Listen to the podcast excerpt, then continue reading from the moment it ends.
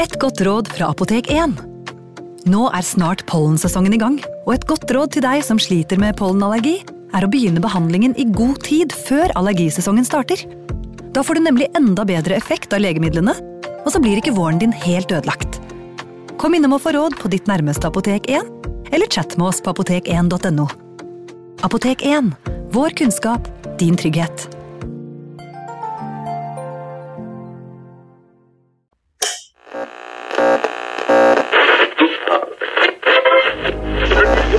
Vi skal gjenta særmeldingen i dag. Nummer én Kjerringa er galen. Nummer to På ski over lyng og kvast. Nummer tre Baklengs inn i aftensangen. Baklengs inn i aftensangen.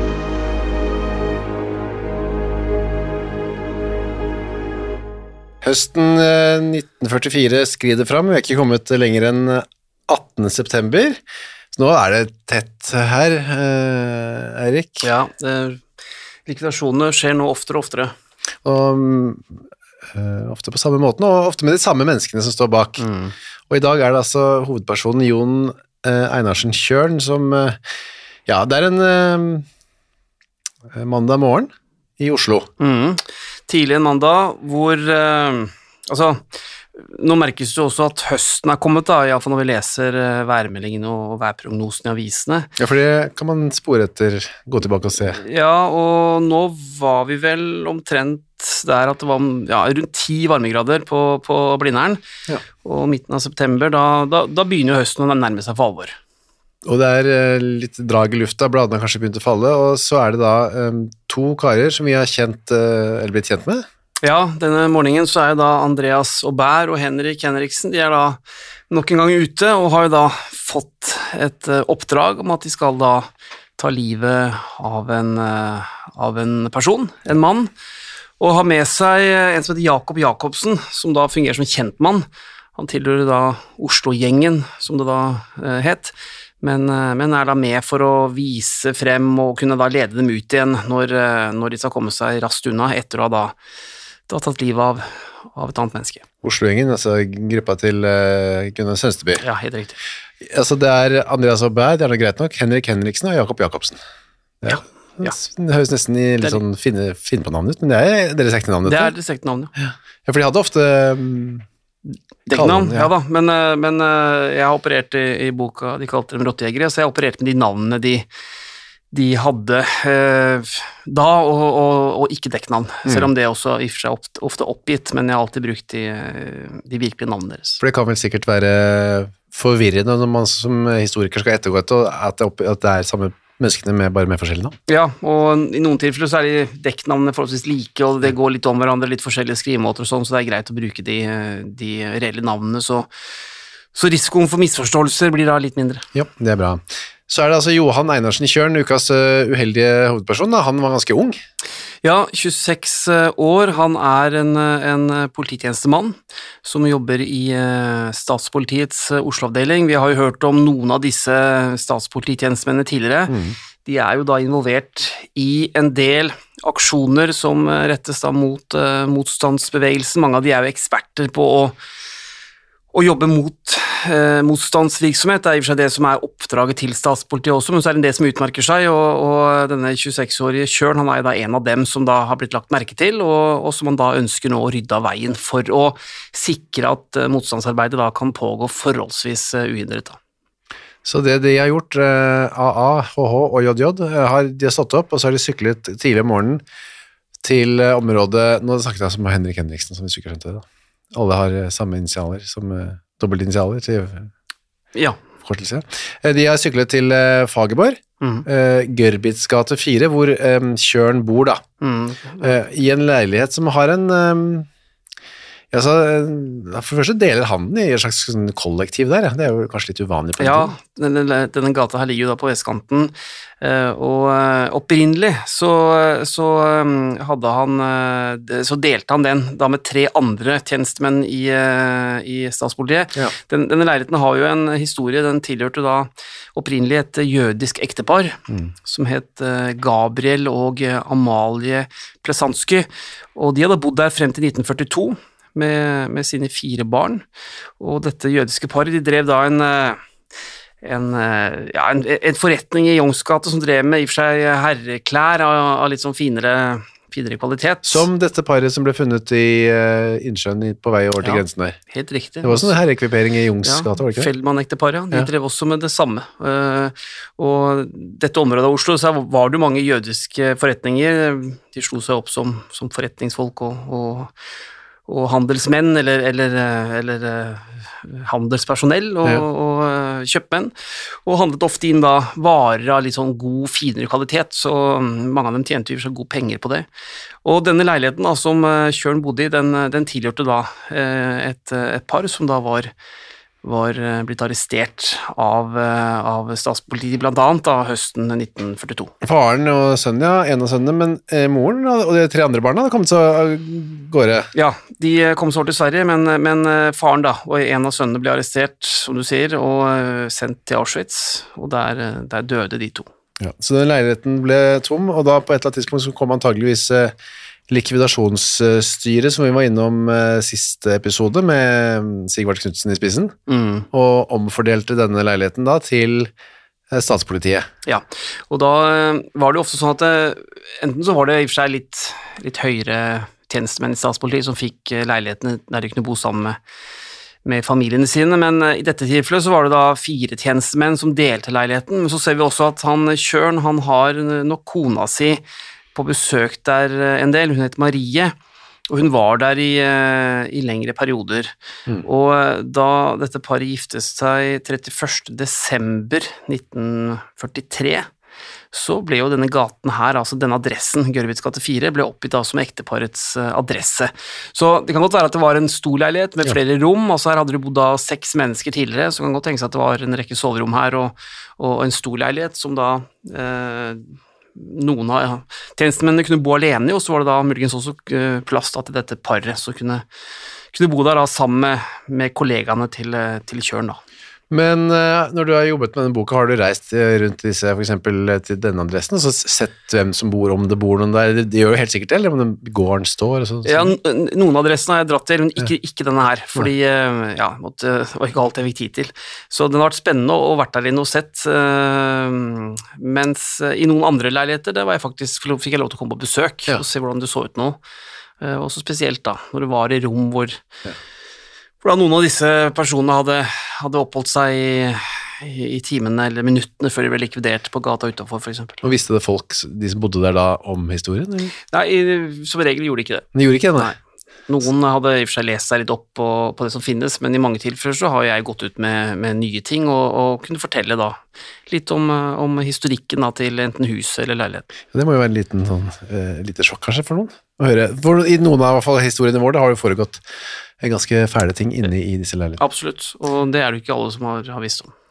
Men eh, så mye fælt skjedde jo ikke, så vidt vi vet, i hvert fall inne i leiligheten i denne omgang, i denne historien da. Fordi Johan Einarsen Kjørn, som var da 26 år politimann i statspolitiet, han gikk ut av leiligheten sin og på vei mot jobben. Ja, og han var nok blitt spanet på um, i en periode, for de visste godt når han pleide å gå til jobben, og han var da på vei ned til, um, til Majorstua stasjon, hvor han da sannsynligvis skulle ta buss eller eh, kanskje en trikk da, eller noe sånt, og ned til, eh, ned til sentrum for å, eh, å komme, der, komme seg da på kontoret. Han var jo da på vei til jobb. Og ja, man, er, man kan i hvert fall anta da, at det var drevet av en del undersøkelser for å kunne stå omtrent der han kom til å passere på de ulike tidspunktene, og hvis han er som en del av de andre tjenestemennene, så skulle han da møte opp på en eller annen vakt, hadde et konkret tidspunkt han skulle være på jobb, og da er det jo grunn til å anta at han gikk omtrent til samme tid eh, hjemmefra, så de, de visste nok hvor de skulle stå da, og vente på han. Og de, denne gangen, som vi var inne på, så hadde de ikke bil, Aaberg og Henriksen, men de hadde sykler. De hadde sykler. Det var jo noen fordeler med det, for det var lett å komme seg, seg unna forholdsvis eh, lydløst og, og, raskt. Man kunne også sykle i to forskjellige, eller tre forskjellige retninger her, da, mm. og da var risikoen mindre for at de skulle bli, eh, bli anholdt alle sammen. Så um, her hadde de valgt sykler, som sagt. De, de, sto da sammen, disse tre, altså både, både Aubert og Henriksen og Jacobsen, de sto sammen. Um, den ene den ene av dem holdt av syklene, og så ser det ut til at Jacobsen har trukket seg litt unna, sånn at det er Aubert og Henriksen som da er helt framme der, der, de tror da kjøren vil komme gående. Yeah. Og så er det en av dem som holder syklene, mens den andre da uh, tar frem en pistol idet Johan Einarsen Kjørn kommer gående mot dem og er da kanskje en meter eller to unna. Mellom et kryss mellom Åsaveien og Kirkeveien på Majorstua, altså. Mm. Og dette er jo gater og bygninger og sånn som finnes uh, ja. fortsatt der de sto. Det er bare å dra og se, og se for seg, for det er jo ofte veldig likt som det var òg. Ja, her har de ikke gjort det, eh, altså Man har jo pustet opp og sånn selvfølgelig, men, men, fasaden og sånn er jo i og for seg forholdsvis like når man ser på hvordan de ser ut og sammenligner med bilder fra den gangen.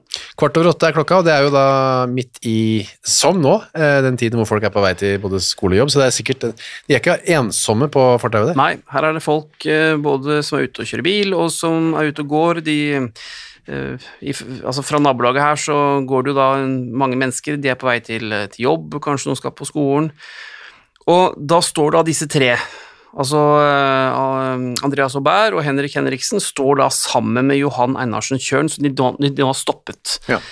Og vi vet jo ikke så mye om hva de, hva de sier, eller om det blir, det blir, snakket noe særlig mellom dem, men, men de er observert stående sammen ja. i noen sekunder. Okay. Og, og, og, som jeg skriver her, altså det er uvisst hva som blir sagt, eller om det blir sagt noe, eller om Kjør nå forstår at han skal, skal snart dø. Men det neste som skjer, og som vitnen forteller, er at det blir avfyrt ganske raskt eh, seks skudd, og at da denne eh, polititjenestemannen, altså 26-årige Johan Einarsen Kjørn, han, han, faller da om og, og blir liggende. Mm. Og de to andre, Andreas Aubert og Henrik Henriksen, setter seg på syklene og tråkker av gårde, da, sammen ja. med denne Jakob Jacobsen. Da, ja. Uh, ja, og han har da står ikke så veldig grundig beskrevet hva han gjør idet han, uh, han trekker seg litt unna denne, denne gruppen, eller de, de, to andre da i likvidasjonslaget, men han, det er antatt at han kan ha stått like i nærheten for å holde utkikk, eller at han har hatt en, en funksjon da som, som, vakt, rett og slett, eller som sikring. Mm. Hvis det skulle komme en eller annen politipatrulje forbi, så var det da tydeligvis Jacobsens jobb da å varsle, eller, eller kanskje lede oppmerksomheten bort fra, fra Henriksen og Aubert uh, og, og, og, og, Kjørn over til noe annet. Det, det, men han var en del av oppdraget, og, og um, stikker da av sammen med Henriksen og Aubert når de da hiver seg opp på syklene og, og tråkker av gårde. Og så finnes det et bilde da, som du har med i boka di, de kalte dem rottejegere, som er tatt ja, av hvem? Det vet ikke jeg. Er det en pressefotograf, eller er det en privatperson bare som er Jeg er litt usikker på hvem konkret som har tatt dette bildet, men det er tatt da i minuttene etter at uh, Johan Einarsen Kjørn er, uh, er skutt. Ja. Og, um, det er et veldig skal si, fint tatt, altså det er et godt fotografisk, teknisk bilde. Det, det ser nesten arrangert ut. Ja, men, uh, men uh, dette bildet har blitt stående som, som, et av de mest kjente bildene av eh, likvidasjoner i Norge under andre verdenskrig. Det er brukt av en rekke bøker, og mm. vet også for én bok som har hatt det som sånn omslag, altså omslagsbilde. Og, og, det man ser, da, er jo at denne 26-åringen han ligger da på ryggen på fortauet og så ser man at han er pent kledd, han er jo på vei til, til kontoret, og da var man jo litt nøye med å, å, kle seg pent når man skulle på arbeid. Så han har en, øh, en lys ja, kan være en lys beige frakk, og så ligger han med ene armen, venstrearmen, da, ned langs, langs siden. Høyrearmen ser ut til å ha liksom lagt sånn litt oppå brystet hans, og så mm. har han hatten sin. Ja den har han sikkert hatt på hodet idet han ble beskutt, og så er det noen som har lagt den, lagt den oppe på, ja, på, på, maven. Han har mørke bukser, og så har han uh, svarte dressko. Ser ut som det er en, dre, type dressbukse. han har på Ja, eller dressbukse. ja. Altså, han har sikkert dress under, sikkert slips og hvit skjorte, eller skjorte i hvert fall. Det var vanlig at de hadde det på kontoret, i hvert fall når de kom. Og så, I statspolitiet så gikk man jo som oftest i sivil. Ja. Uh, uniform var jo i og for seg ikke noe man brukte hver dag, uh, iallfall ikke de som var eh, operative Altså, de operative tjenestemennene kunne like gjerne bruke sivil som, som uniform. Og så ser vi at ved siden av ham, så Altså på høyre siden så ligger det en, eh, ja, en, eh, en slags væske. En, eh, ja, en skinnvæske, svart skinnvæske. Og så er det de, men, men det som har skjedd her, er at det står en, en, en gruppe mennesker rundt. Jeg vil bare si det først at det ser jo ut som Hvis jeg skulle tippe på alderen på han som ligger der, så hadde jeg tippet kanskje en mann på 60-70 år. Ja. Eh, fordi vi er vant til at det er sånn, eh, Sånn med frakk og hatt og sko og sånn, ja. Men den gangen så var det vanlig at man gikk i det omtrent fra man var konfirmert. ja. Det er jo en 26-åring, og det er veldig rart. Det for det er umulig å se på dette bildet hvor gammel han er. Ja, Han ser da eldre ut i mine øyne. ja det, det gjør han. Så ser vi at kan ikke se så mye ansiktet hans, men uh, han har av hodet Altså, li, altså han, han, han ligger med hodet litt bakover, Mm. så han, han uh, Han ser nesten ut som han sover. Ja. Det er jo det jeg har skrevet her òg. Det, er- det er en sånn form for Jeg kaller det litt sånn, Det er nesten litt sånn ro over bildet. Det er ikke masse blod her, og, og, eh, og det, det er ikke et dramatisk bilde på noe vis. Han, han har ikke noen skuddskader. Um, men det jeg husker jeg la mest merke til når jeg så det bildet her første gang, og som jeg egentlig har sett på mange ganger når jeg har sett det etterpå, det er jo de menneskene rundt. ja, for det har samlet seg. De står i en Ja. sirkel eh, rundt han. De, de, de har liksom De har veldig sånn ulikt reaksjonsmønster, altså ansiktsuttrykket og kroppsspråket viser jo at de reagerer veldig forskjellig. Altså, jeg ser en eller annen står liksom med og ser ned på kjøren, uh, akkurat som man skulle sett ned på ja, en uh, hund som sto og Eller en katt, eller altså han, han, ser bare helt vanlig ut. Som Han hendene i lomma. Hendene i lomma, ja, Ja. Som, akkurat som at det er helt sånn dagligdags. Ja. En annen står også med hendene i lommen og kikker ned og virker egentlig veldig, sånn lite engasjert. Så er det en mann som står i midten her. Han, han ser jo helt sjokkert ut. Bøyer seg fram. Bøyer seg fram ja, og har et sånn veldig klart uttrykk i ansiktet om at dette, dette, er, dette er noe fælt. Så er det folk som har stoppet opp her med, med sykler, det er en dame som står med ryggen til her, hun står og kikker litt ned. Og så i bakgrunnen så ser jeg en mann som bare går videre, han går bare forbi. Ja. Han gidder ikke å stoppe opp og bry seg engang. Og um, det slår meg når jeg så det her nå, når jeg sitter og forteller om det nå, så Jeg, jeg lagde en gang en dokumentar om, en, um, om narkokrigen i Mexico. Oh, ja. Hvor man drev og likviderte folk på gata Ja. nå i, i, i dag. Ja.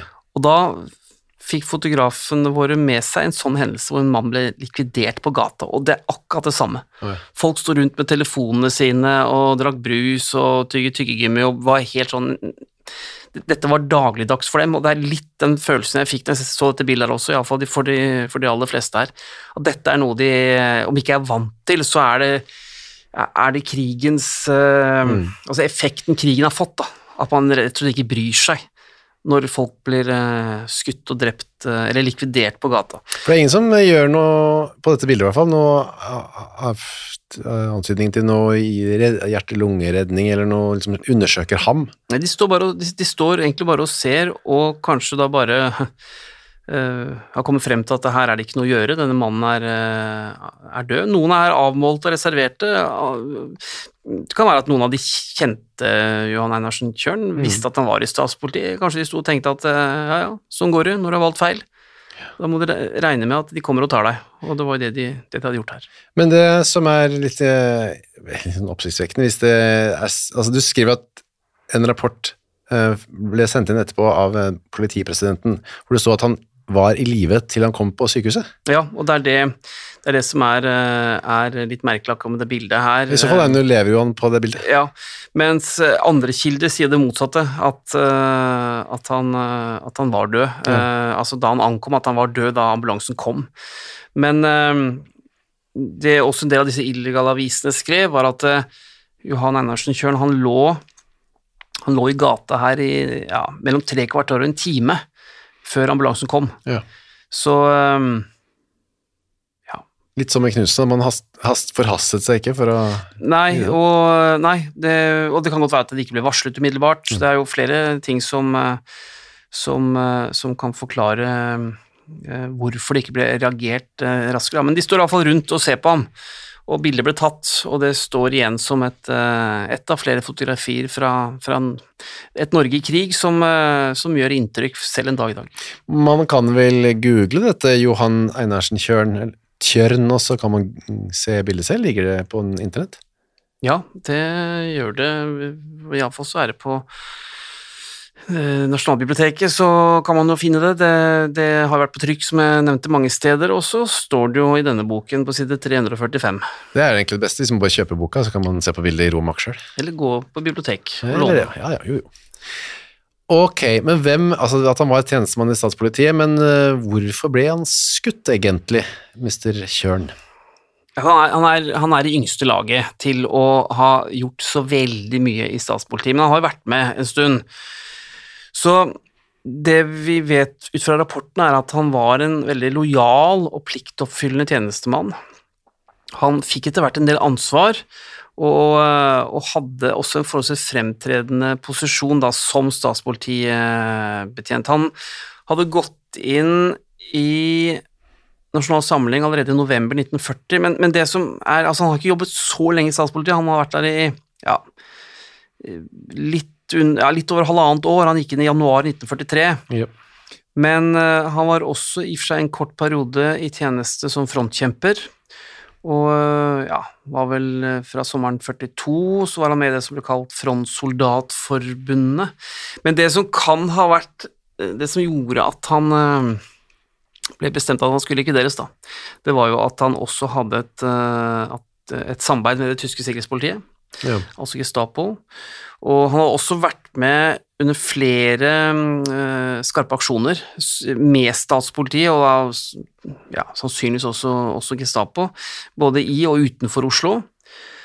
Og um, han um, var også da med under avhør av personer som var, uh, var arrestert. Og da, det er jo der man kan tenke seg at det kan ha vært tatt i bruk f.eks. Uh, eh, tortur og slike ting, og som gjør at han har blitt lagt merke til, og at det da ble bestemt at eh, Kjørn skulle, skulle likvideres. Det var en av dem som het eh, Sunde, en 23-åring, Arnfinn Severin Sunde.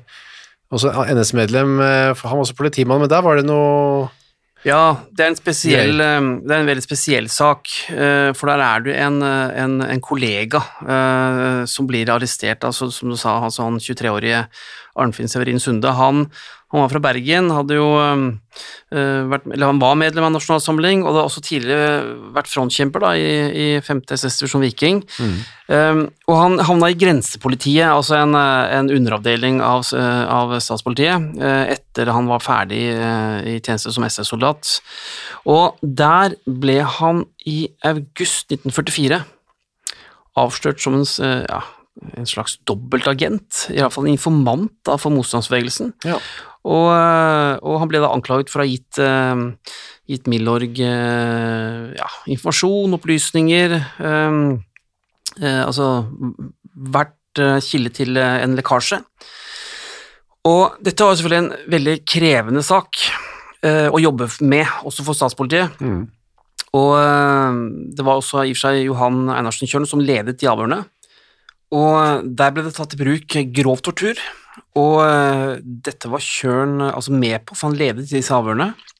Og eh, der var hensikten å få Sunde til å fortelle om, om dette dobbeltspillet og, og de kontaktene han hadde hatt i, i Milorg. så han hadde ledet forhør hvor det ble brukt grov tortur, og torturert selv, da, antageligvis Kjørn. For grunn til å anta at han var med på en eller annen måte, og selv om, om han ikke hadde vært med å slå eller banke eller, eller hva ja. man drev med, så i og med at han ledet avhøret, så hadde han iallfall ansvaret.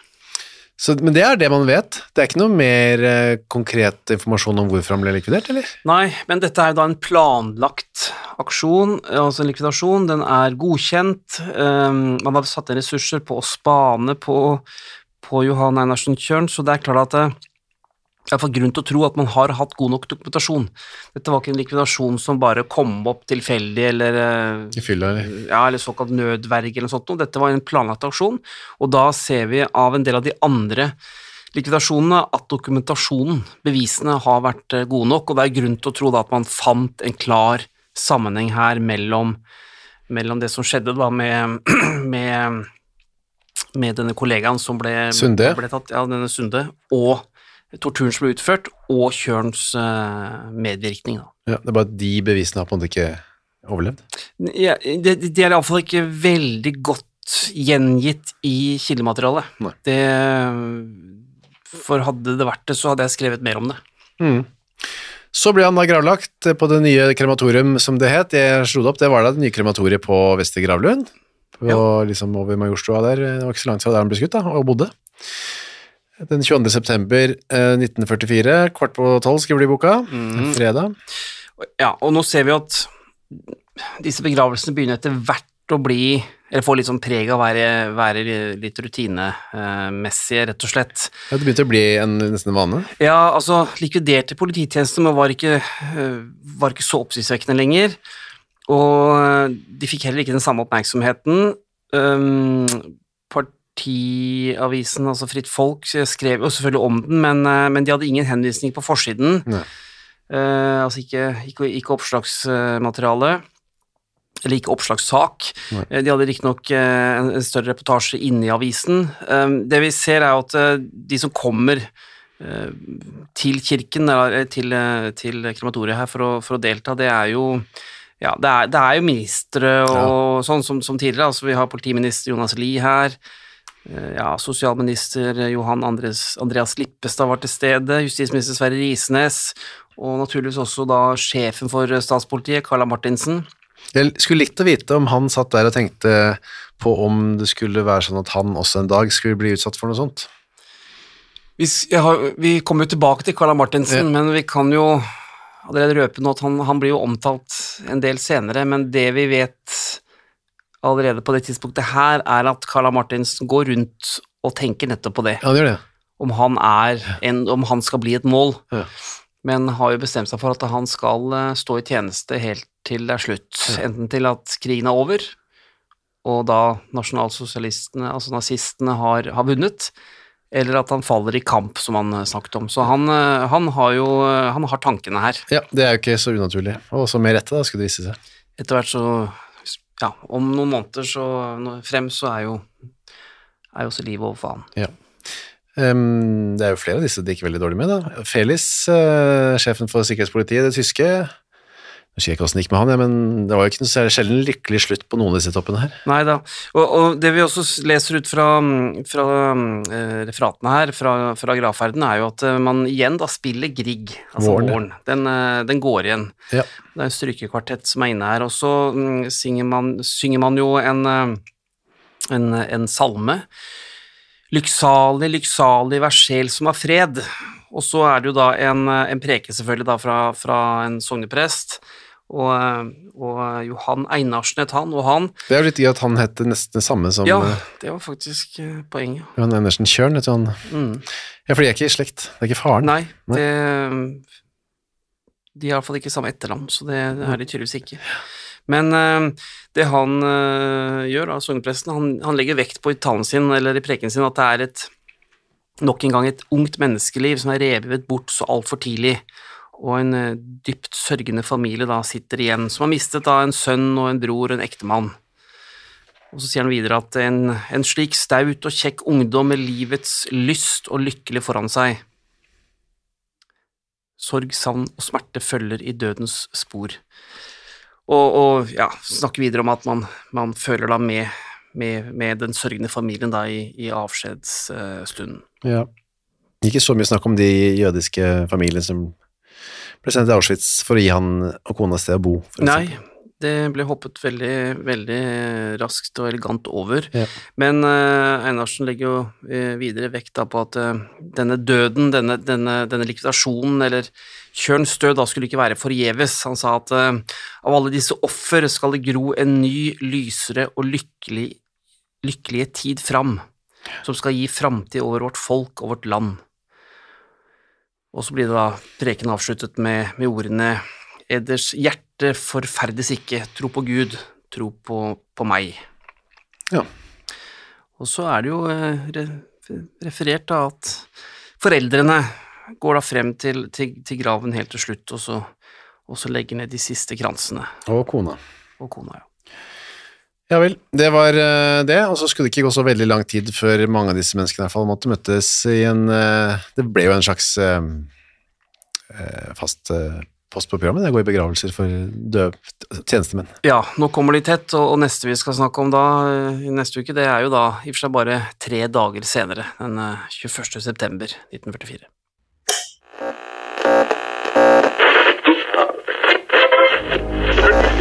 Vi skal gjenta særmeldingen i dag. Nummer én Kjerringa er galen. Nummer to På ski over lyng og kvast. Nummer tre Baklengs inn i aftensangen. Baklengs inn i aftensangen.